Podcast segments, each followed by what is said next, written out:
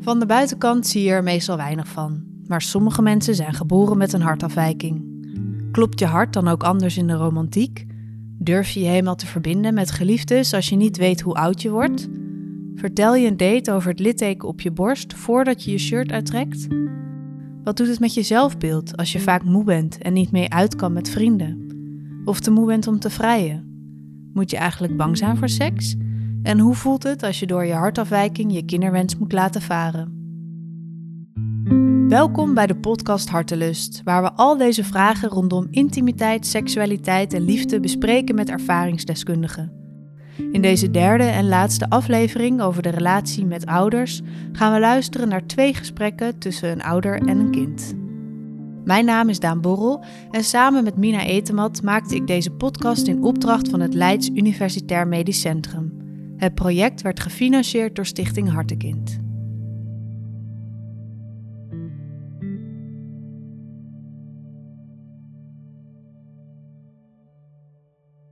We beginnen deze podcast met Anna en haar vader Jeroen.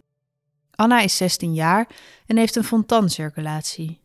Jeroen, haar vader, is 50 jaar en heeft ook nog een andere, oudere dochter. Door haar merkt hij dat hij wel anders gefocust is op Anna. Bij Anna uh, let ik er meer op hoe ze, hoe ze uit de ogen kijkt, hoe ze erbij staat, uh, of ze moe is, uh, blauwe mond, blauwe nagels. dat hou je wel in de gaten. En dan zeker in de periodes dat het in het jaar dat het allemaal wat moeilijker gaat, zoals in de winter, dan keert die focus weer wat terug, zeg maar. Ja, en in de zomer gaat het eigenlijk allemaal als vanzelf. maar als de winter aanbreekt, dan ja, heeft dat een stuk moeilijker. En merk jij daar wat van? Um, ja, in de zomer helemaal niet. Want dan gaat alles ook gewoon goed. En dan voel ik me eigenlijk bijna nooit echt slecht. Maar in de winter um, merk ik dat zeker wel. Ik merk wel dat ze dan wel vaker vragen hoe gaat het? Of laat je nagels even zien. Um, en ik probeer daar gewoon wel goed antwoord op te geven. Maar soms is het ook lastig om er uh, antwoord op te geven. Want dan weet ik zelf eigenlijk ook niet hoe ik me voel. Dus dan vind ik het lastig om dat dan te verwoorden naar mijn ouders toe. Maar ik probeer het wel zo goed mogelijk te doen. Maar bijvoorbeeld als ik dan uh, blauwe nagels heb, weet ik soms ook niet waar ze vandaan komen. Dus nee, dat vind ik soms wel lastig om dat dan te verwoorden. Maar ik vind het juist wel fijn dat uh, mijn ouders juist goed communiceren met mij van... als ze dan iets doorhebben van, hey, gaat het? In plaats van dat ze niks zeggen. En, en heb jij het idee, Anna, dat je ouders er op een andere manier mee omgaan met jouw hartafwijking? Ja, tuurlijk wel. Weet je, ze letten, uh, vooral mijn moeder let op dit moment nog heel erg op me. En ze wil altijd weten hoe het gaat en hoe het allemaal gaat op school en of ik nog allemaal volhoud en zo. En ik denk dat ze dat ook wel heel erg heeft meegenomen van vroeger, omdat toen moest ze echt heel veel op me letten. En nu kan ik ook goed op mezelf letten, maar mijn moeder heeft dat misschien nog een beetje vastgehouden. Ik snap wel, tuurlijk, ze behandelen me wel iets anders dan bijvoorbeeld mijn zus. Want ja, die, die is gewoon gezond en die heeft niet echt kwaaltjes of iets. Dus daar letten ze dan minder op uh, dan op mij. En hoe ga jij daarmee om met het beschermende? Um, ik probeer soms bij mijn moeder wel te zeggen van... weet je, ik ben oud genoeg, ik kan zelf. Ik weet nu uh, wat ik heb en ik weet ook hoe ik het kan uitleggen, wat ik voel. Dus als ik me slecht voel, dan zeg ik het gewoon. Um, want dat kan ik, want ik ben oud genoeg. Dus dan probeer ik soms mijn moeder wel duidelijk te maken... dat ze niet uh, heel vaak naar hoeft te vragen, maar dat ik het ook gewoon zelf kan. Ja. En voor jou, denk je dat is het op een andere manier loslaten? In vergelijking met de oudere zus bedoel je? Ja. Um, ja, het is toch wel loslaten met iets meer, uh, iets meer controle erop. Dus uh, je laat er los, uh, maar je houdt wel in het achterhoofd van... oké, dit heeft ze de afgelopen week gedaan, ze gaan nu dit doen. Is ze daar niet te moe voor? Gaat ze dat wat trekken? Hoe zal ze de volgende dag zijn? schoolwerk, uh, gewoon werk. Aan de andere kant is het ook wel zo, we zitten er ook wel zo in dat ze... Ze moet ook gewoon een, uh, een leuke tijd hebben, weet je. In je puberteit, uh, nou ja, zoals alles. Maar je maakt alles maar één keer mee. Dus je moet er ook een beetje, je moet gewoon plezier maken. En, uh, dat dus is als zij uitgaat bijvoorbeeld, dan kan je dat gewoon... Dan denk je, ze moet plezier hebben. Of hoe lig je dan in bed? Ehm, dan lig ik in bed dat ze gewoon plezier moet hebben. Weet je, we kennen haar vriendengroep en we kennen al haar vrienden. Anna is ook wel iemand die niet in zeven sloten tegelijk loopt. Verantwoordelijk is ze ook. Ze houdt zelf ook wel van controle. Je moet er ook vertrouwen eh, eh, geven en ze moet ook merken dat ze vertrouwen heeft vanuit ons. Maar dat hebben jullie dus ook echt. Ja, Ja. En wat was voor jou, Jeroen, de meest intense periode tot nu toe? eh, dat was toch wel de eerste vier jaar van, van haar leven waren toch wel de zwaarste jaren. Dat was echt wel, hè, met alle operaties, ziekenhuis in, ziekenhuis uit, alles wat ze, alle virusjes die ze op kon pakken, die pakte ze ook gewoon allemaal op. En eh, zat naast de hartafwijking ook nog wel wat aanvullende eh, kwaaltjes her en der. Dus ja, het was gewoon een hele zware, zware tijd eigenlijk, de eerste vier jaar, totdat ze eigenlijk naar school ging. Want die eerste vier jaar had ze ook de meeste operaties.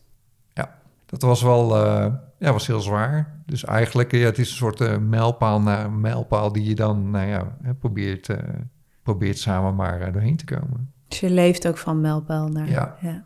Ja, van controle naar controle. En dan van operatie naar operatie. En dan weer uit het ziekenhuis weer thuis. En dan weer naar de volgende controle. En zo, eh, ja, zo ga je dan eh, door je leven heen. En hoe reageerde jij persoonlijk op, op zoiets? Op die fase? Ehm, ik vond het wel eh, heel zwaar. Het is toch, ja, het is toch, je zet een beetje je blik op oneindig eigenlijk. Dus je gaat gewoon, eh, je doet gewoon wat er, wat er gedaan moet worden. En dat doe je met alles. Dus eh, je werk gaat gewoon door. Eh, je leven thuis gaat gewoon door. Zorgen maar. Het gaat allemaal door. Dus je probeert eigenlijk een beetje alle ballen in de lucht te houden. Op een zo goed mogelijke manier. En, ehm, en dat is, ja, was zwaar. Maar goed, zit hij nu naast me. Het is hem al hoe gekomen. En had het een bepaalde weer invloed op jullie relatie? Nou, het is toch wel iets waar je, waar je, waar je als gezin doorheen moet, zeg maar. Hè? Ook met, de- met de oudere zus natuurlijk. Die was toen ook eh, jong. Dan probeer je toch ja, het gewoon maar te organiseren. Hè? Zodat, je, zodat je gewoon bij je, bij je zieke kind kan zijn die, eh, die eh, in het ziekenhuis ligt. Dat is wel altijd wel goed gegaan. Maar het was zeker wel belastend. En dan moet je ja, samen gewoon een weg in zien te vinden. Maar Ja. jullie konden daarin dus wel heel goed samen blijven. Ja, Ja. nou, we hebben het wel gered, ja. ja. En, en wat zorgt er denk je bij jou voor dat je... Ik hoor toch wel iemand die er op een heel positieve manier in staat. En Ja, ja. Ik zie altijd wel eh, de, de, de... En soms is het ook wel tegen beter weten in... maar ik zie wel altijd een beetje de zonzij van, eh, van dingen, zeg maar. Dus ik ben wel positief ingesteld. En met die instelling denk ik dat je ook gewoon langer door kan in een moeilijke tijd, zeg maar. Als dat je alles eh, heel zwaar neemt en ehm, daar echt ook... eh, dat- dat het ook echt heel zwaar op je drukt. Dat doet, dat doet het ook wel. Maar als je toch een beetje hè, de, de, de positieve puntjes nog uit kan pikken, zeg maar, en je daaraan vast kan houden, dan, nou ja, weet je, dan sleep je je wel doorheen. En, en heeft, een, heeft toch jouw geboren hartafwijking bij jou invloed op je zelfbeeld? Ehm, ja, nu wat minder, maar ongeveer twee jaar geleden wel best wel heel erg veel. Ehm, Dus toen was je ongeveer 13, 14. 13, 14, ja. Zoiets. Toen had ik het vooral heel erg met mijn litteken. Want ik wilde eigenlijk dat zo min mogelijk mensen wisten dat ik een hartafwijking had. Ik probeerde dus ook mijn litteken te verbergen. En ook gewoon omdat ik er heel erg onzeker over was. En ik had ook, als ik dan vertelde dat ik een hartafwijking had... ehm reageerden mensen heel gechoqueerd, alsof ik bijna dood ging. Terwijl het eigenlijk prima met me ging. Dus dat vond ik soms wel heel lastig om dan... ehm, ja, die mensen eigenlijk gerust te stellen van... hé, hey, het gaat eigenlijk Mm. wel goed. Ehm, dus ik probeerde het eigenlijk een beetje... Ja, ik was heel gesloten toen, dus ik praatte er gewoon niet veel over. En nu heb ik wel geleerd om dat wel gewoon meer te doen. En hoe uitte die, zich, die onzekerheid zich dan? De onzekerheid in mijn litteken was dat ik in plaats van bikinis badpakken ging dragen... hoge shirts ging dragen, zodat eigenlijk niemand ze echt zag.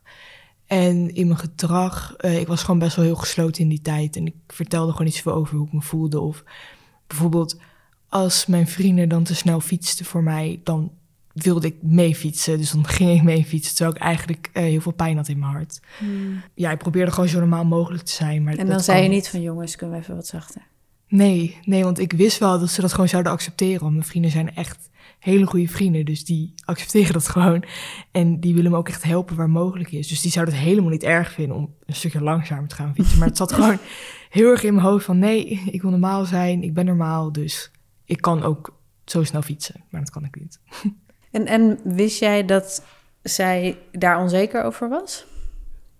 Ja, nee, ja, al- als, het, als het gaat om eh, toen, ze, toen ze jonger was, toch zat er een bikinietje en was ook altijd heel open. Toen ze echt klein was, toen liep ze altijd op mensen af op het strand. Ze zei, kijk, ik heb een hartafwijking. En dan wees je zo naar de litteken, weet je. En op een gegeven moment verandert dat en er was geen bikinis meer aan, maar badpakken. Eh, ja, puberteit slaat dan natuurlijk ook toe. Is ook altijd wel een periode van onzekerheid, ook voor, eh, voor kinderen. En ehm, ja, dus ik was me daar wel bewust van. En Ja. hoe ging je daarmee om? Ja, door toch gewoon, als je kind die gevoelens heeft, moet je daar denk ik ook voor een deel moet je daar ook wel in meegaan. Want eh, zij voelt dat. Dus dat moet je dan ook bevestigen. En aan de andere kant moet je ook aangeven van God, hè, wij vinden dat je er gewoon prachtig uitziet. Maak je niet druk daarover. Want werd die onzekerheid ook wel eens bevestigd? Dus werd er wel eens iets vervelends gezegd dan over dat litteken? Ja, heel vaak in het zwembad. Eigenlijk best wel heel vaak, ook nog afgelopen jaar gewoon. Het, het blijft, het was niet alleen vroeger. En dan werd gezegd dat ik drie navels had, want ik heb twee ehm, gaatjes boven mijn navel. Dus dan zeiden heel veel mensen, eh, je hebt drie navels. En dat schreeuwden ze ook naar me. En ook eh een zo'n meisje kwam op me af en die zei, ja, je hebt een uitgescheurde navelpiercing. en ehm, ja, die dingen die grepen me vroeger wel heel erg. En dat, daardoor was ook gewoon mijn hele dag verpest. En nu probeer ik dat gewoon minder mijn dag te laten verpesten. Ja, tuurlijk. Het is super naar om te horen. Want je probeert er zelf zeg maar juist trots op te zijn. Dan word je eigenlijk een beetje naar beneden gehaald. Van je mag er niet trots op zijn, want het is Mm. eigenlijk lelijk. Dus nee, maar ik probeer nu gewoon de gedachte te houden van... het laat juist zien hoe sterk je bent en zo. Dus Want hoe is dat dan nu? Heb je nu bijvoorbeeld verkering? Eh, ja, ik heb nu een vriendje en het grappige is dat hij ook eh, iets aan zijn hart heeft. Dus hij heeft ook een litteken. Dus daardoor voel ik me eigenlijk gelijk ongemak. En ook helemaal niet ongemakkelijk om mijn litteken te laten zien of iets. Omdat ik dacht, oh, jij hebt het ook. Dus weet je, het maakt helemaal niks meer uit. Dus het zit toch wel ergens in mijn achterhoofd van... als eh, bijvoorbeeld een vriend van mij het niet zou hebben... dan zou ik er toch wel onzeker over zijn. Maar nu heeft mijn vriendje het nu ook. Dus... Hoe vind je dan iemand die ook een hartafwijking heeft? Ja, ik wist het van tevoren helemaal niet. We gingen gewoon praten met elkaar. En toen op een gegeven moment zei ik... ehm, ja, ik heb een hartafwijking. Want ik vind het gewoon belangrijk dat mensen het weten. En zei, oh ja, ik heb ook iets aan mijn hart gehad. dus toen kwamen we zo op het gesprek. En toen eh, bleek het ook dat hij hetzelfde litteken als ik had. Dus dat was wel heel leuk om te horen eigenlijk. Ja. En hoe vind je het nu dat ze een eh, vriendje heeft? Vind ik leuk. Ja, het is een leuke jongen. En eh, hij komt er regelmatig langs. Dus eh, dat is gezellig. Het is een andere dynamiek in huis. In een vrouwenhuishouden weer een, eh, weer een jongen erbij. En eh, ja, het is toch... eh, ja, het brengt wel weer iets. En Jeroen, was het voor jullie nog anders toen zij de- in de puberteit kwam? Werd de focus toen anders of kwamen er andere zorgen? Nou, het is wel dat de cardiologen die gaven toen wel aan van, eh, nou ja, als, eh, als ze in de puberteit komen, dat is dan zeg maar, eh, dan zie je, dan ontwikkelt het lichaam zich best wel op allerlei vlakken en dat brengt vaak ook wel weer wat problemen, cardiologische problemen naar voren, zeg maar. En dat is toen, toen heeft ze nog een vernauwing van de longslagader gehad, zeg maar. Dat, dat is toen verholpen met een stent daar, daar ben je dan wel wat op gefocust, zeg maar. Hè? Eh, eh, als een cardioloog dat, dat aangeeft. Daar waar let je ben je dan op gefocust? Ja, hoe het gaat. En, en, en hoe ze zich voelt. En ehm, ja, wat meer dan op de nou ja, wat langere termijn hou je dat toch wel een beetje in de gaten, zeg maar. Ja, op andere vlakken, eh, we hebben altijd gezegd, weet je, als zij, als zij vragen heeft over wat dan ook, zeg maar, dan moet ze die gewoon stellen en dan geven we gewoon antwoord. Eh, Dus je had niet het idee dat je andere seksuele voorlichting moest geven, bijvoorbeeld? Nee, hebben we ook niet gedaan.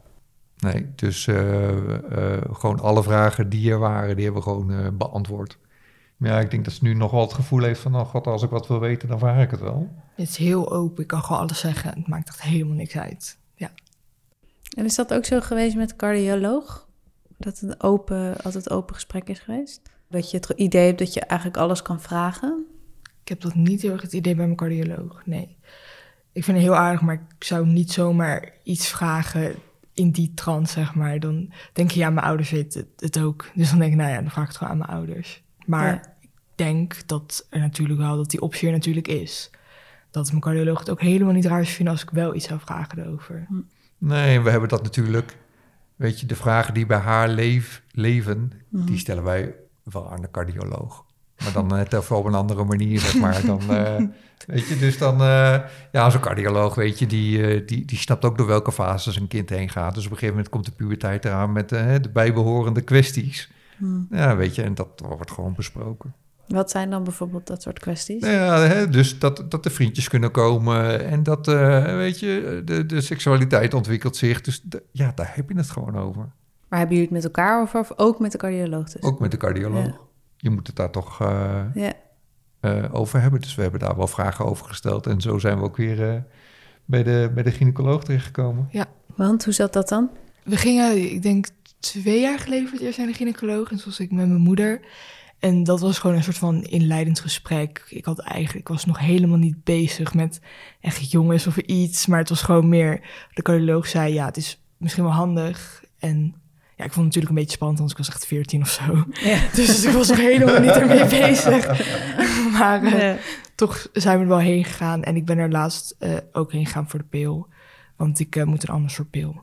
Ja, daar- dan vraagt de gynaecoloog gewoon bepaalde dingen. En daar geef ik ook gewoon open antwoord over. Dus ja, dat is natuurlijk wel een beetje ongemakkelijk. Maar ehm, nee, ja, ik voel me daar wel gewoon goed over. En toen was jij mee, toch, Jeroen?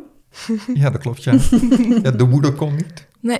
dus ik ging mee. Nee. Dat was ook geen probleem. Het is een beetje altijd zo'n awkward gesprek, maar op zich, eh, op een gegeven moment moest ik even het kamertje uit. En eh werden dezelfde vragen werden nog een keertje gesteld. Weet je, het zijn allemaal fases waar je doorheen gaat, zeg maar. Als kind, maar ook als ouder zijnde. Ja, iedereen gaat het doorheen. Het is, Ja. niet, het is niet anders bij iemand met een hartafwijking in mijn hoofd. Dan is Nee. het totaal niet anders. Iedereen doet het. Iedereen gaat er doorheen. Dus. En ook met je ouders, die nieuwe fase natuurlijk. Ja, Ja. precies. Het is niet, het- in mijn hoofd is het bij mij echt niet anders dan Nee. bijvoorbeeld bij mijn zus. Nog een laatste vraag. Als jullie advies, want er gaan natuurlijk mensen naar luisteren. Wat, wat zou, wat, is er iets dat jullie hebben gemist? Of dat je zegt van dat zou ik anders doen? Of dat is voor mij echt een wijze les geweest? Ik zou me denk ik niet laten leiden door mijn onzekerheid, door mijn hartafwijking. Want het helpt niet. Het brengt je alleen maar achteruit, naar beneden. Je wordt er, ja, ik werd er heel gesloten van. Ik werd er niet mezelf van. Dus ja, tuurlijk, weet je, je zit er soms wel even doorheen. Maar dat heeft iedereen. Mijn les is dat je gewoon alles aan de positieve kant moet bekijken. Hm. Want ja, het is zwaar met hartafwijking. Maar als je de hele tijd daarover gaat nadenken van... Oh, kan dit niet, kan dit niet, dan kom je ook nergens. Ja, daar sluit ik me ook wel bij aan. Weet je, iedere dag is er weer één, hè? Dat, en dat is het. En, en gewoon de, de, uit de kleine dingen toch ook wel weer de positieve, ja, positieve aspecten pakken. Eh, als ik kijk, eh, zoals ze nou eh, naast me zit, dan denk ik, nou, het toch wel goed gedaan. Hm. Ja, hadden we het anders moeten doen?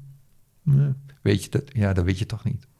Misschien als ik straks 80 ben, dat ik dan denk van, god nou, weet je. Als ik het een keertje overzie. Maar nu denk ik, nou, dus tot nu toe hebben we het goed gered, zo samen.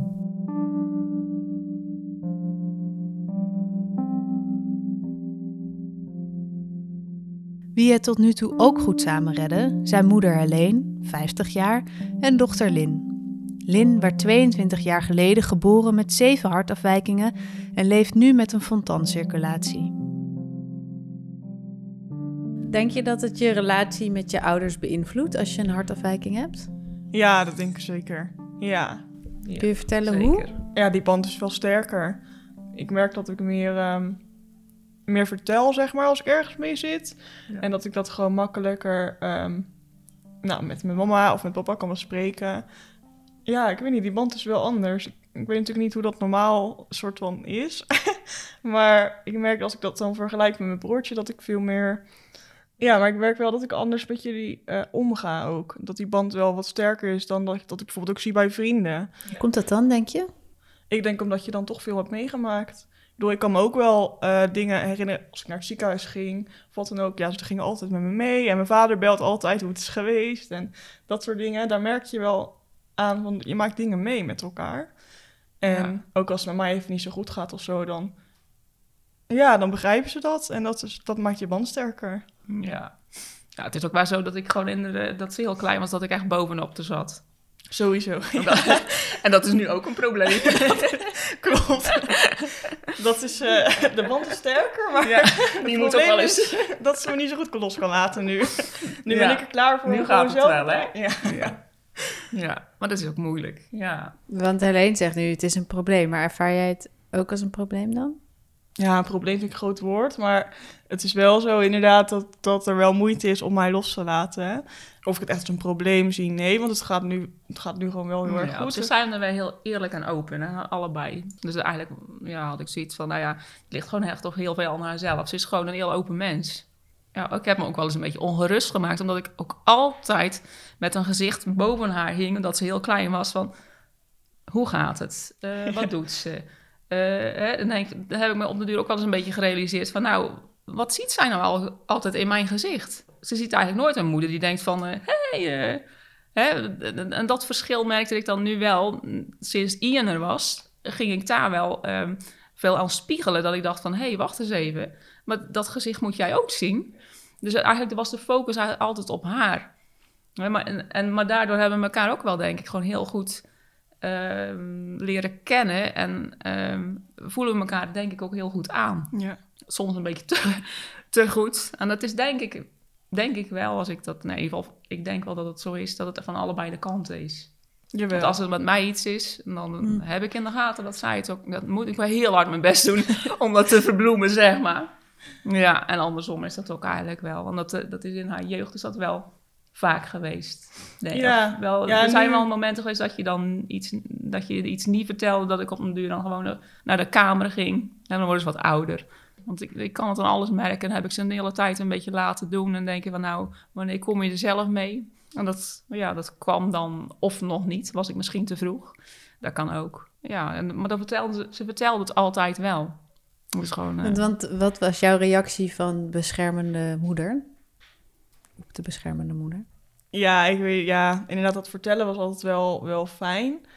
Ehm, want dat, dat... Want je hebt natuurlijk ook kinderen die dan misschien wel helemaal zo doen. Van nou, eh, Ja, dat deed ik dan niet. Maar ik had wel eens bijvoorbeeld ja, meer in de puberteit en zo... dat ik dan dacht, oh, ik wil eh, uitgaan een keer of zo. En dan... eh, ik, weet, ik weet nog één keer, ik weet niet meer zo goed wat we daar toen in hebben gedaan. Maar toen was er iets op school. Toen hadden we een kerstfeest. En Ja, de dag erna gingen we naar de Efteling. Dat Ja. is iets wat ik me nog heel goed kan ik herinneren. ook. Ja. Nou, daar hebben we best wel ruzie om gehad. Tenminste, in mijn beleving. Maar ik wilde graag naar allebei. Want ik wilde en naar het kerstfeest en naar de Efteling. En ik wilde niet eerder van het kerstfeest weg. En ik wilde eigenlijk ook niet later naar de Efteling. Want ik wilde het gewoon allemaal doen. Ehm, want dat vond ik leuk. Maar ik weet dat jij toen ook zoiets zei van... ja, maar dat is wel heel veel. En eerst het kerstfeest tot laat. En dan de volgende dag weer vroeger uit bed naar de Efteling. En had ze ook eigenlijk wel gelijk in. ja, maar dat wilde je niet horen. Maar dat wil ik niet horen, nee. En ik wilde je het ook niet uit laten proberen. Nee. Nee, en ik heb het toen... Ik weet niet meer wat we toen hebben gedaan. Maar daar merkte ik wel Heb je iets eerder opgehaald. Maar dat was ook de mazzel, want eh, Merel, je vriendin, die, eh, haar ouders eh, hadden ook zoiets van, nou, dit wordt gewoon te veel. Als je en-en doet, dan eh, gaan we je, ik denk dat ik je om een uur of tien, elf, half elf, dat, we, dat ik je toen opgehaald heb. Nou ja, dat, dan mocht je, als je, als we dat af konden spreken, mocht je naar het kerstfeest en ook naar de Efteling. Maar niet tot, tot laat, niet tot het, tot het eind. Nee, dat Nou, klopt. Dat kan ik me dan nog wel herinneren. Ik wist ook niet meer wat we ermee hadden gedaan. Maar daar merkte ik, op dat moment specifiek, denk ik, merkte ik dat ik... Dat je me echt soort van heel erg nog soort van vasthield. Ehm, nee, ik heb van? gewoon de keuzes voor je gemaakt toen. Ja. En het niet losgelaten en het jezelf laten proberen op dat moment. Want kun je vertellen hoe het voor jou was toen zij inderdaad puber werd? Veranderde er toen iets? Ehm, nou, ik vond het wel heel spannend. Ja, want je, je weet natuurlijk toch... eh, ja, haar bloedsomloop is anders. Eh, je hebt wel zoiets... Ik had, ik had heel sterk zoiets van... Ja, wat, wat gaat dat met haar doen? Want eh, niet zozeer dat haar bloedsomloop anders is... Maar dat betekent dus ook dat ja, heel de toevoer naar alle organen, alles in je lijf. eh, en dan ook die hormonen die van alles gaan doen en van alles in je lijf gaan doen. hè, vaak krijg je ook allerlei, in het begin heb je dan ook allerlei klachten. Ja, ik, ik was daar eigenlijk best wel, ik vond het eigenlijk best wel spannend. Ik heb dat echt wel eventjes aan moeten zien. Zo van, nou, wat, eh, wat doet dit en eh, hoe gaat het nu met haar? En, eh, ja, ze, groeien, hè, sowieso qua, qua lengte, zeg maar. Ik bedoel, het wordt een groter lijf, dus dat hart moet meer rond gaan pompen. In Ja, welke leeftijd begon, begon dat, denk je, dat je hierover na ja dat was wel, dat was toch echt, ja, rond een, een jaartje of twaalf, denk ik, elf, twaalf. En kreeg je veel informatie vanuit het ziekenhuis daarover? Nee, dat merk ik wel dat dat met nu en toen dat het echt een heel groot verschil is. Ik, ik heb het idee dat wij altijd voor het mechanische gingen. Daarnaast eigenlijk niet. Als in, wie ging er voor het mechanische? Nee, de, de artsen. Ja. Ja, je gaat naar de cardioloog. En eh, die kijkt hoe het met haar is. En hoe het hart het doet. En hoe de zuurstof is. En eh, dat eh, is het dan ook wel. En soms kaart je wel eens wat aan. En, maar er zat toen nog helemaal de focus niet op. Het was gewoon toen van, was het meer puur van... Nou ja, ze doet het. Doe ermee wat je wil. Succes. Ja, ja, ja. En, maar daar, daar komt heel veel meer bij kijken. En dat is in de loop der jaren gelukkig hebben wij dat wel zien veranderen. Ik denk dat wij net in die periode zaten dat dat, eh, dat, dat meer gezien werd. Ja, dat er meer signalen kwamen. Ja, het was natuurlijk ook, denk ik, nog vrij nieuw. Dat, die, Ja. dat kinderen met aangeboren hartafwijking die leeftijd bereikten. Ja. Ja. ja. En bedoel je dan dat er meer eh, aandacht werd besteed aan het emotionele? Eh, d- hebben wij niet echt meegemaakt. Maar dat hoor ik nu wel. En dat vind ik echt heel goed om te horen. Ja. Want eh, had jij die toen je 12, 13 was, had je dezelfde vragen? Zo van, oh, nu gaat er iets veranderen in mijn lichaam en mijn hormonen. Hoe zal dat zijn? Nee, eigenlijk totaal niet. Nee, ja, nee niet die vraag. Ik, ik voel me- mijn eigen lijf, zeg maar. En het was voor mij voornamelijk dat ik dat, ik dat ging leren kennen. Dus hoe ver kan ik gaan? Waar ligt mijn grens? Ehm, wanneer moet ik echt stoppen? Dat was ik meer aan het ontdekken dan dat ik ermee bezig was wat Morganen zouden doen op dat moment. En sowieso kom je dan in de puberteit, dus gaan je hormonen wel werken. Dus op de duur werd ik ongesteld. Dat was wel wat erger als bijvoorbeeld bij eh, vriendinnen. Dat ik denk, oké, ik voel wel veel meer bloed. Maar ik gebruik ook bloedverdunners, dus op zich is dat niet heel gek. Maar dat soort dingetjes ben je dan wel mee bezig, denk ik meer. Maar niet echt inhoudelijk dat dat iets voor mij in mijn lijf zou veranderen of zo. En bedoel je dan dat je zegt van dat ik ging uitzoeken waar mijn grens lag eh, qua energie? Ja, echt puur op energie. En ehm, wanneer was ik echt te moe om, bijvoorbeeld net als met dat feest, weer eh, zou ik dat aankunnen om dat allebei te doen of, eh, of niet? Zou ik dan te moe zijn om dat te kunnen doen? Dat wou ik wel heel graag ontdekken hoe ver ik kan gaan. ja, Dus eigenlijk wat jij misschien eerder voor haar deed. dat deed ik voor haar. Ja. Ja, en het be- best, ja goed. Dat is dan eh, denk ik wel een beetje. ehm, Maar nou, bedoel, dat heb je natuurlijk ook al die jaren gedaan daarvoor, toen ze jonger was. Ja, ja, toen was het nodig, denk Ja. ik. Maar eh, ik heb dat eh, ja, gelukkig ook door, doordat ze het zelf aangaf. Hè, dat ik dat ook wel ja, kon merken aan haar. Heb ik dat wel, wel kunnen laten vieren. Ik zeg niet loslaten, want dan denk ik dat ik op mijn kop krijg. Maar ik heb het wel kunnen laten vieren. Ja. En wat Ja. waren dan momenten waarin je nu denkt van... oeh, dan had ik wel misschien haar iets meer zelf mogen laten uitzoeken? Ik heb het wel stapjes los. eh, stapje, stapjes heb ik ze wel laten doen, maar vrij laat. Ik denk dat het wel eerder kon. Want Ja. dat was vrij laat. Ja, ik denk pas van, ja, vanaf een jaartje of eh 13, 13, denk ik. Ja, dus ze is toen een keer, dat heeft ze ook zelf geregeld, eh, met een, eh, de eh, vakantieweken van de, van de Hartstichting dan. Ehm, hoe heet het? De Jongerenweek was dat toen? Of Kinderweken? Jongerenweek. Jongerenweek. Ja, eerst kinderweek, Ja, toen het is maar één keertje geweest misschien, die Ja. Kinderweek. Ja. Voornamelijk jongerenweek. Ja, dat had ze gezien. En ze, ze had wel, volgens mij had ze zelf daar behoefte aan om ergens los van te komen. Dus dat had ze gezien in het ziekenhuis. En eh, toen had ze daar Nienke volgens mij, eh, had, ze, had je die toen al gezien of niet? Ja, ik had volgens mij toen een onderzoek Ja. ehm, naar sporten met een hartafwijking. Ehm, en toen was er inderdaad Was rond Nienke. die tijd, hè? Ja, dat is een cardioloog eh, die dat onderzoek deed. En die zei dat toen ook van die, van die celkamp het volgens mij voornamelijk over. Ja. Dat dat er dus was voor jongeren met een, met een aangeboren hartafwijking. En dat je dan eh, allemaal leuke dingen met elkaar gaat doen, zeg maar. Ja. Ehm, en toen ben ik daarop gaan kijken. En toen kwam ik dus inderdaad bij de jongeren- of kinderweek uit. En ja, dat leek me wel wat. ja. Was dat leuk? Ja, dat was heel leuk. Ja, echt nog steeds wel, wel eens contact met de mensen die er toen, eh, toen waren. Maar dat, eh, dat heeft me wel echt geholpen in, in mijn grenzen zoeken. En sowieso is het heel fijn om met... met nou ja, hij ging echt een weekje weg, zeg maar, met, met jongeren. Dus dat was sowieso natuurlijk leuk. Maar ook, het was sowieso leuk omdat iedereen een, een, een hartafwijking ook had. Dus als we dan sportactiviteit gingen doen en je ging even zitten... dan was dat ineens heel normaal. Terwijl normaal gesproken voel je toch, moet je een soort van verantwoorden van oké, ik ga nu aan de kant zetten, want ik ben moe. En daar ging je gewoon zitten en dan kwam er nog iemand bij zitten en dan kwam er nog iemand bij zitten en dan kwam er nog iemand bij zitten. En dan zat je gewoon op een deur zat je met z'n allen te, te keten, zeg maar, op die bank. Dus dat was heel, heel anders en dat was wel eh, ja, echt een leuke tijd. Ja, maar dat Ja. heeft ons allebei heel goed geholpen. Ja. Want voor ons was het, eh, vooral voor mij was dat een veilige omgeving voor haar om die grens op te zoeken. Nou, dat was heel fijn.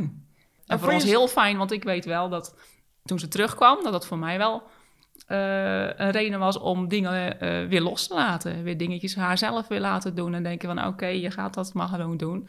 Ondanks dat het best wel weer spannend voelt. Maar, en, en ook wel met, met de veiligheid ingebouwd. Dat we wel eens iets hadden als ze dan wegging van nou, eh, je zorgt in ieder geval dat je eh een van je vriendinnen dat die weet wat of je heeft. En eh, als die erbij is en eh, eh, eventueel een boekje mee met eh, telefoonnummers. En eh, nou ja, goed. Maar dat, dat er wel iemand echt eh, ja, wist, als er, iets, als er iets zou zijn, dat hij wel eh, serieus wist wat hij moest doen. En als dat was, dan, ja, dan eh, liet ik ze gaan. En daar heeft ze trouwens ook wel heel goed gebruik van genomen. Zeker dat ze wat ouder was. Wat? En Daar weet ze niks van. wat bedoel je dan? Ja, pinkpop, uitgaan. eh, en dan zegt ze dat ik ze niet los kan laten. Dan denk ik, nou hallo, als je ze naar pinkpop laat gaan, gewoon eh, zomaar. Dan denk ik, nou, eh, Want, en hoe, hoe was jouw weekend dan als zij op Pinkpot zat? ja, paraat. Ja. dus de hele wel weekend alert. Ben je op de telefoon of zo? Ja, telefoon wel in de buurt. Op zich ja, gaat dat ook altijd nog gewoon, zeg maar. Hoe dat ik ook dat voor elkaar krijg, weet ik niet. Ik weet Maar het ook niet. Ik weet het ook serieus niet. Had je dan niet de neiging om ze te gaan zitten bellen of zo? ja, ik heb wel altijd iets van, je moet even laten weten als je Hm. er bent. Of eh, eh, even iets laten horen. Of, maar ik weet niet of het van mij uit, denk ik niet. Met dat niet, denk ik. Nee. Nee, hè? Ik heb het niet gemerkt toen in ieder geval. Ik weet wel altijd als, als ik ergens naartoe ga, dan weet ik ook wel hoor, dat je op de achtergrond zo zit van... Oh, als er iets gebeurt, dan... eh, Ja, maar- volgens mij laat je het ook altijd gewoon als je ergens bent, dat je het, dan laat ze het eigenlijk volgens mij gewoon weten van, eh, mam, ik ben er hoor. Of, eh, en eh, volgens mij is dat gewoon altijd net op tijd. En, en denk jij, even een heel andere vraag, dat een hartafwijking beïnvloedt hoe je je seksualiteit kan ontwikkelen ehm, tijdens je puberteit? Ja, dat denk ik wel. Want ehm, nou, sowieso zat ik met het, met, het, met het feit dus dat ik dus ongesteld werd. En ik slik bloedverdunners. Dus dat betekent eigenlijk dat je niet aan de gewone eh, pil kan. In ieder geval, kan wel, maar het is niet heel verstandig. Nou, dat is één al. Dus dan ga je al zoeken naar andere, andere opties. En dan zo jong denk je daar ook eigenlijk helemaal niet aan. Dan denk je, oh, ik word ongesteld. Nou, het was best wel heftig. Op dat moment was ik niet echt per se seksueel actief. Maar het was, mijn ongesteldheid was gewoon wel heftig. Dus daar wilde ik wel iets mee, eh, mee doen. En dan denk je, oh, nou, de pil zoals ieder ander dat heeft. En alle meisjes die ik las gaan ook op een duur aan de pil. En dan, dan denk je, ja, dat kan ik dus eh, niet. dus dat is wel, dat beïnvloedt het wel. Hadden jullie het daar samen over? Ja, ik, ik had het al wel een beetje uitgedacht, eh, denk ik, voor je. Want jij wist dat komt, zij kan straks niet aan de. Ehm, nou, het was eigenlijk meer eh, dat ik daar wel... Ik was er natuurlijk mee bezig. Hè? Ik bedoel, dat ze gaat groeien, dus ik wist dat natuurlijk. Dus ik heb toen wel een beetje gekeken van... Ja, wat, zijn, eh, wa- wa- wat zijn de mogelijkheden en eh, wat zou kunnen? Ja, goed, in principe de, de, de, gewoon de pil is... Ja, dat geeft natuurlijk sowieso wel risico's. Ja, dus eh, op zich was ik daar zelf geen voorstander van. Omdat je natuurlijk gewoon zo min mogelijk... bedoel, ze, hè, bedoel, ze is nu... eh, Goed, dus dat willen we ook zo houden. Ja, en zo min mogelijke andere dingen doen die dan bijvoorbeeld schade zouden kunnen eh, geven. Ja, Dus- en toen uiteindelijk kwam ik bij de, bij de mini-pil. En dat is dan Ja. eigenlijk gewoon de pil, maar dan met, met ehm, alleen het vrouwelijke hormoon die veel... En, en kun je nog meer vertellen? Want je, was net, je zei ja, het beïnvloedt wel je ontdekking van je seksualiteit. En daar hoort dus de pil, ongesteldheid. Ja. Is dat nog meer? Ehm, ja, een beetje op dat moment ging ik me ook realiseren dat, dat het op zich niet zo verstandig is voor mij om zwanger te worden. Hm. En ik heb op zich altijd wel een kinderwens gehad. Dat wist ik al wel, dat ik op zich wel, eh, wel graag moeder wilde worden. Ehm, maar dan hoor je dus dat het niet zo... ehm, ja, dat het zeg maar niet handig is als je zwanger wordt. Dus het kan biologisch gezien wel. Maar het brengt wel veel risico's met zich mee ook. ehm, qua mijn gezondheid, zeg maar. Mijn gezondheid kan daar wel heel erg op achteruit gaan. En ehm, ja, toen heb ik eigenlijk toen al wel een, een keuze moeten maken. Nou, voor mezelf dan. Hoe oud was je toen? Ja, Jongen. 16, denk ik. Hm. 16. Dat ik dus inderdaad geen, niet zwanger wil worden. Omdat ik niet wil dat ik later een kind heb, zeg maar, waar ik niet voor kan zorgen. En dan vind ik dat een beetje... Ik denk dat dat wil ik dan niet. Als ik een kind wil, dan wil ik ervoor kunnen zorgen. En niet ehm, het risico lopen dat ik daar dus niet eh, voor kan zorgen... omdat ik zelf qua gezondheid heel erg eh, achteruit ga. Dus dat heb ik wel heel jong die keuze al gemaakt. Dat, daar heb ik toen wel heel erg moeilijk eh, mee gehad. Ja, dat is natuurlijk niet normaal als je als meisje van 16 die keuze moet maken dat je dat dus niet gaat doen. dus dat beïnvloedt het ook wel. En, en daarnaast ben ik heel erg zoekende geweest naar wat ik nou überhaupt qua seksualiteit zocht. Ehm, ik denk dat het achteraf, ik heb er nog eens over nagedacht. Ik, ik, ik heb een tijdje gedacht dat ik op vrouwen viel. En ik denk achteraf dat dat komt omdat ik... Ik voel me als een soort van ouder dan de rest. En jongens, die zijn gewoon op de middelbare school nog heel erg kinderlijk. En vrouwen die zijn... ehm, ja, best wel wel... Die worden al wat sneller volwassen, zeg maar. Dat het is gewoon wel een bekend gegeven. En ik dacht daarom... Nu achteraf denk ik dat ik daarom dacht dat ik op vrouwen zou vallen... omdat die gewoon wat volwassener waren. Ehm, en ik ook net even wat meer nou ja, keuzes heb gemaakt... die je normaal niet maakt als je 16 bent. En dat vrouwen dat wat meer begrepen... als dat mannen dat bijvoorbeeld toen deden. Hm.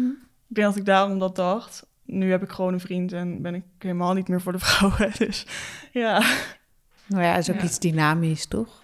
zeker. Kan ook heen en weer gaan. Kan ook, Ja. ja. Ja. Nou ja, ik weet niet, ik dacht, ik denk nou, echt ik dat het- herken dat. Ik denk dat ik dat wel heel erg eh, kan eh beamen. Dat dat, dat het, ik denk dat het wel zoiets geweest is. Ja, Ja. Ja. Je bent toch zoekende, hè, dan? Zoekende wel, wie ben ik? En dat scheelt ook wel van, ja, ja ik moet... Ja, ik, volgens mij is het ook niet zo geweest. Maar ik heb niet het idee dat ze ooit onzeker is geweest over ehm, hoe ze eruit ziet. Want eh, ja, goed, ze heeft ook Nee. een scoliose en het is toch best wel goed te zien.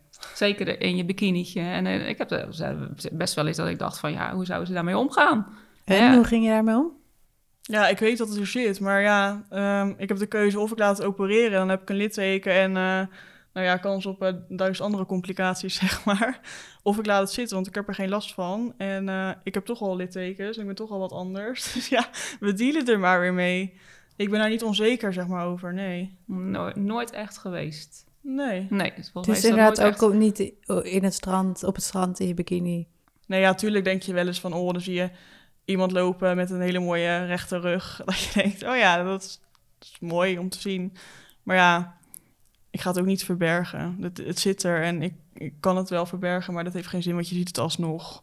Ja. Hebben jullie daar als ouders heel actief aan haar zekerheid gewerkt? Of gewerkt is een beetje een vreemd woord, maar... Ja, ja, je gaat er wel bewust mee om. Want je weet wel, ehm, je kan het zien. Eh, wij, wij zagen het, eh, bedoel, als, het, als het koud was, dan, eh, dan zagen wij het ook. Had ze, ja, had ze paarse lippen. Ik, heb zo ooit, bij- ik moet nu een beetje lachen, omdat ik ooit een paarse, hele leuke paarse jas voor haar had gekocht. Maar ik denk dat ik... Ja, dat is ook een leuk verhaal, inderdaad. Als kind had ik een hele leuke paarse jas en toen werd ik altijd uitgescholden op het schoolplein. Eh, je lippen zijn net zo paars als je jas. Mm, Ja, nou ja, goed. Maar ja, dat, weer een les. ja. dus koop nooit een paarse jas voor je kind. Les 1. Les één. ja, Ja. ja, maar je, je, je merkt zeker wel dat, eh, dat je daar wel wat mee probeert te doen. Eh, volgens mij hebben we dat gedaan door heel veel te praten. Vooral ik, denk ik. Papa deed dat eh, op een iets andere manier. Die was er ook gewoon altijd voor Ja. maar die, die was er op een heel andere manier.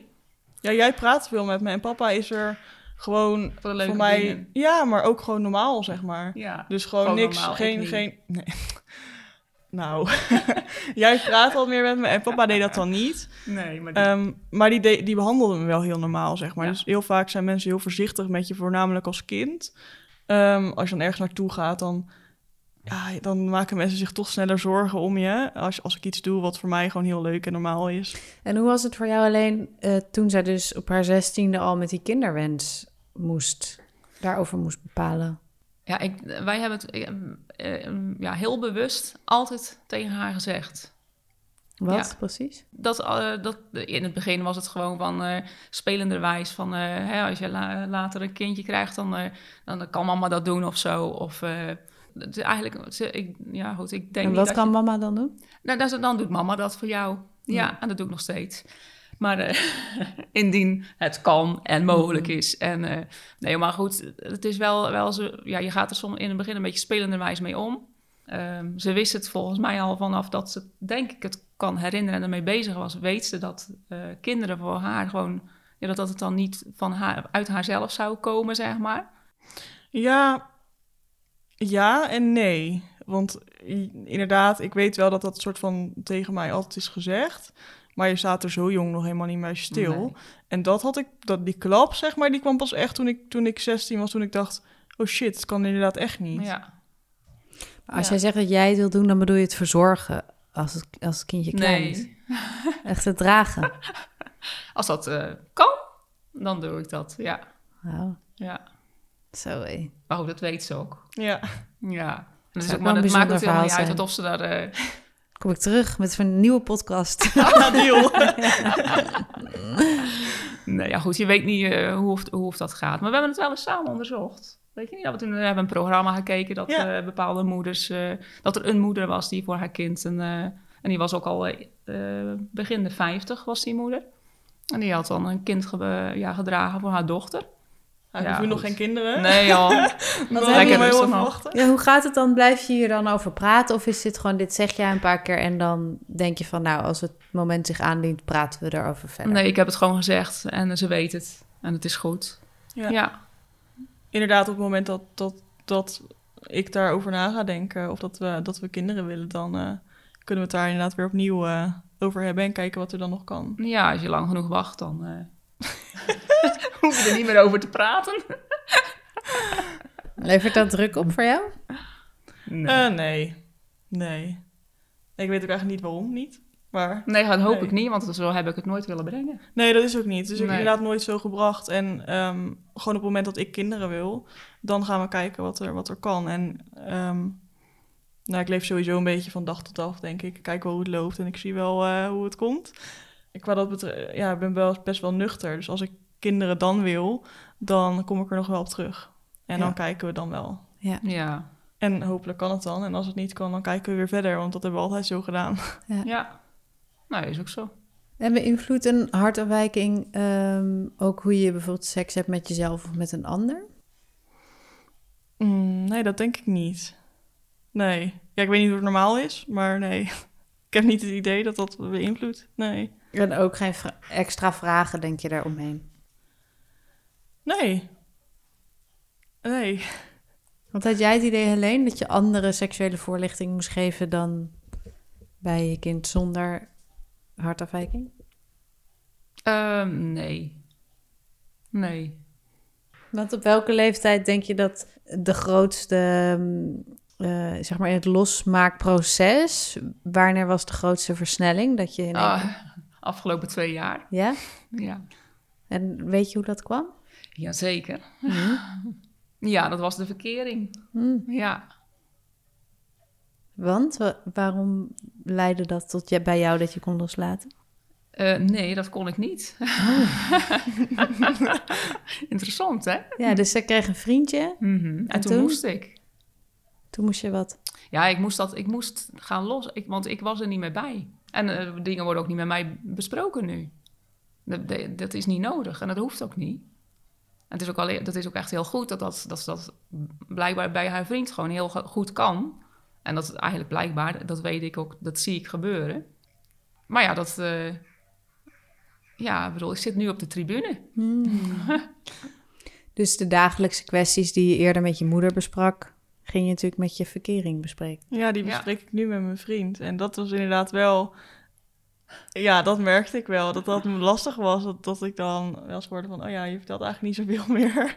of je zegt niet meer zoveel. Maar ja, ik ben ook nu 22. En we gaan een... een, een ja, we willen ook misschien samen gaan wonen en dat soort dingen. En een beetje aan een andere toekomst denken. Dus dan is het ook normaal dat je op een uur eh, wat minder dingen met je moeder gaat eh, bespreken. En dat ik dat dus nu bij iemand anders kwijt kan, is voor mij ook wel heel erg fijn. Maar ik snap wel dat dat ook lastig is voor mijn moeder. Want merkte jij dat zij het lastig vond? Dus twee jaar geleden. Ja, ja, nee, jawel. Hoe merkte je dat dan?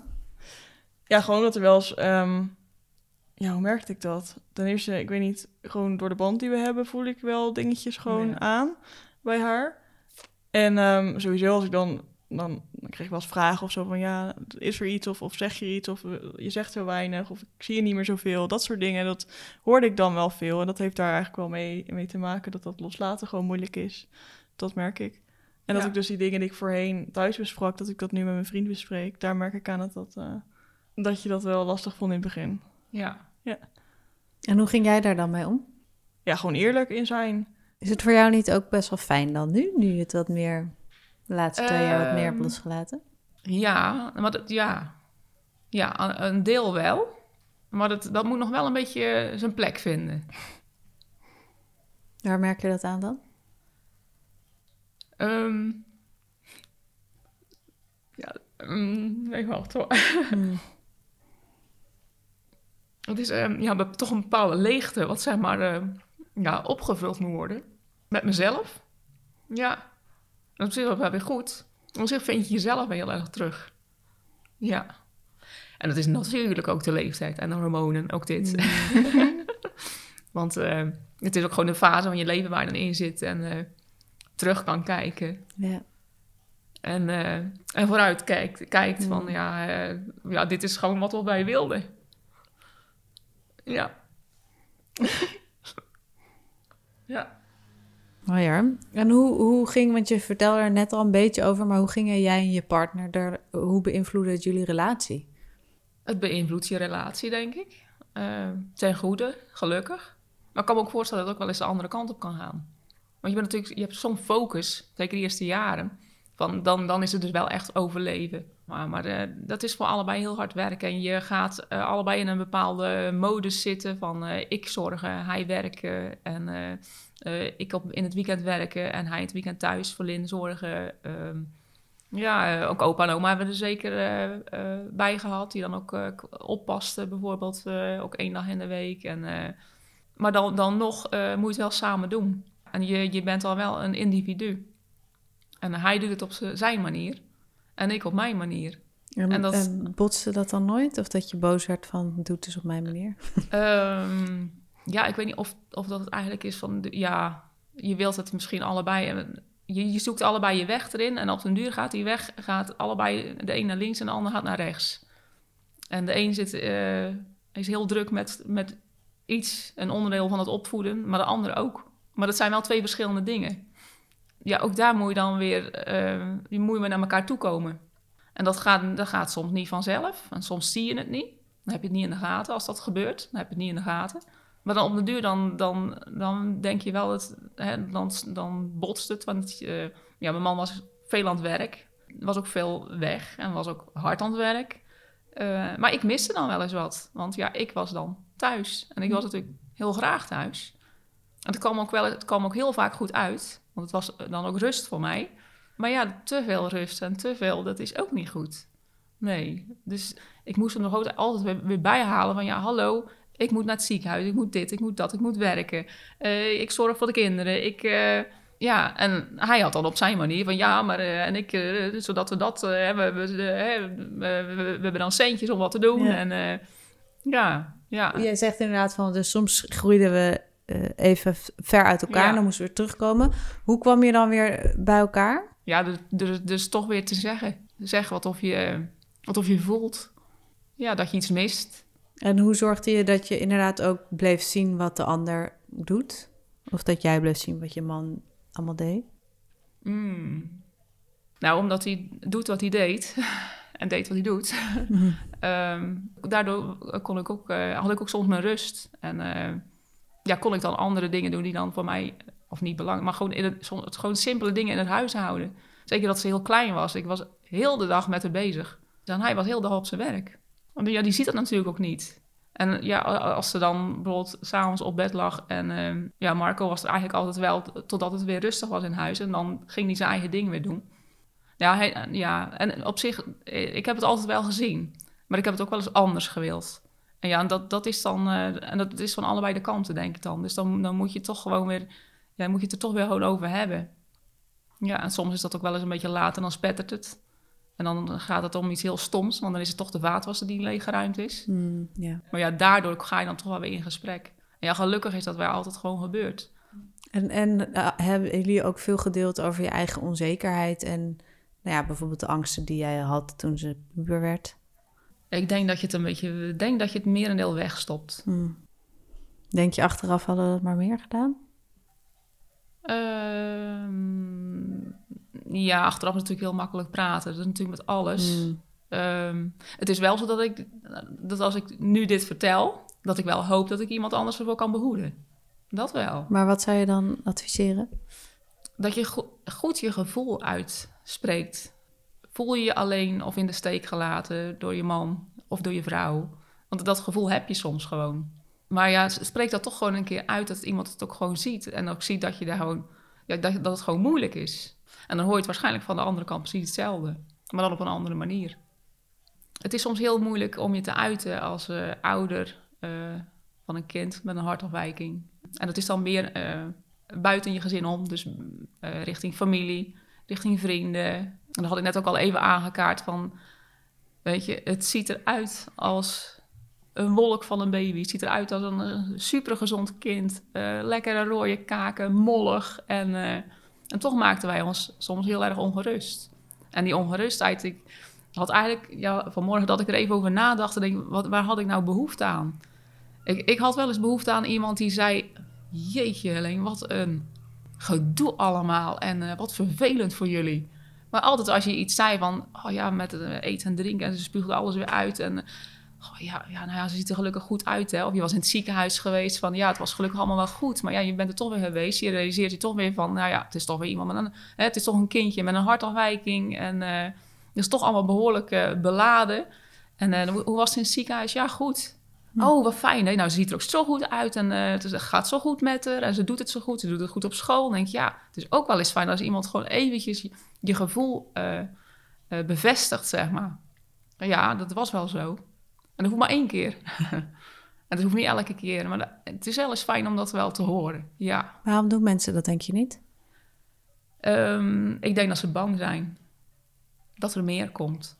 Ja. Bij of, jou? Of, of misschien willen ze je heel erg geruststellen. Dat denk ik misschien nog wel meer. Als je gewoon heel erg, dat is eigenlijk, zijn geruststellende woorden. Dat, dat is het meer, denk ik.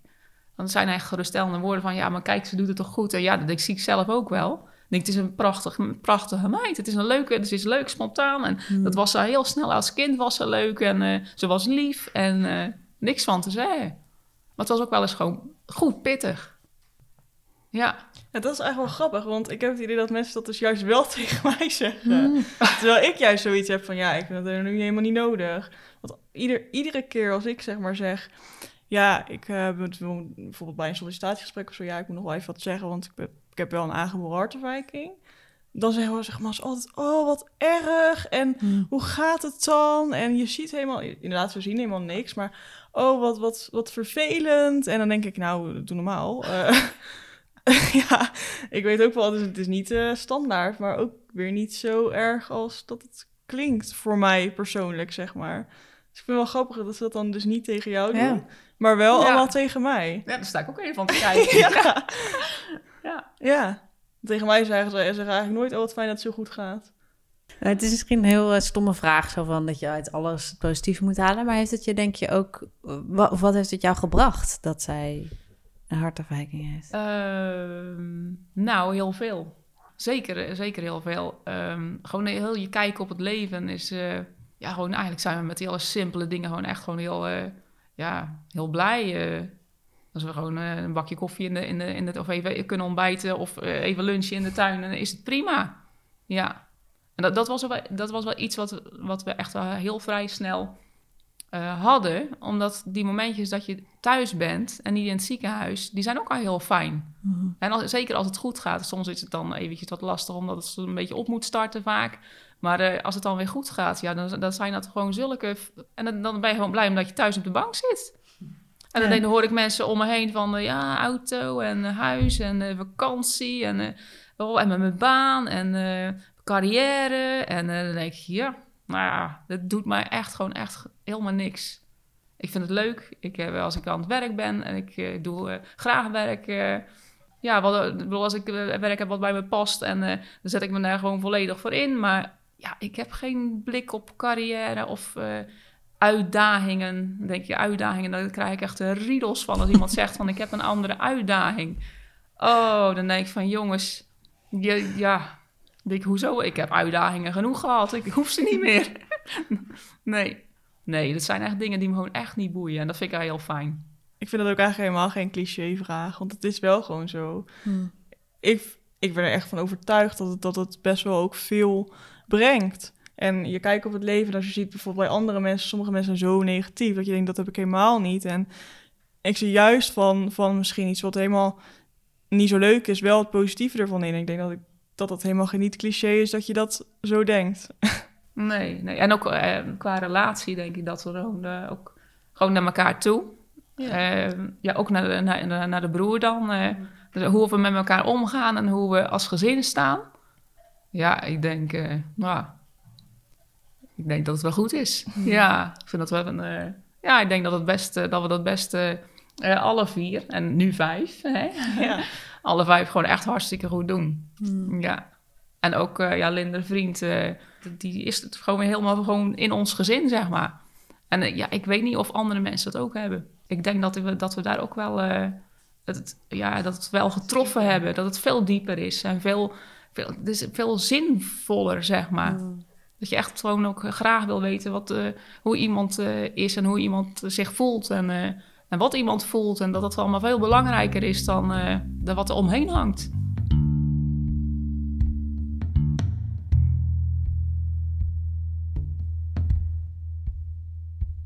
Dit was alweer het allerlaatste gesprek van deze podcast. In de vorige afleveringen sprak ik met zes andere mensen over de invloed van een aangeboren hartafwijking op hun ervaringen met intimiteit en seksualiteit. Als je deze nog niet geluisterd hebt, raad ik je dat zeer aan. Je luisterde naar de podcast Hartelust, gemaakt door mij, schrijver en journalist Daan Borrel en journalist Mina Etemat. Dit project is geïnitieerd door het Leids Universitair Medisch Centrum en gefinancierd door Stichting Hartekind.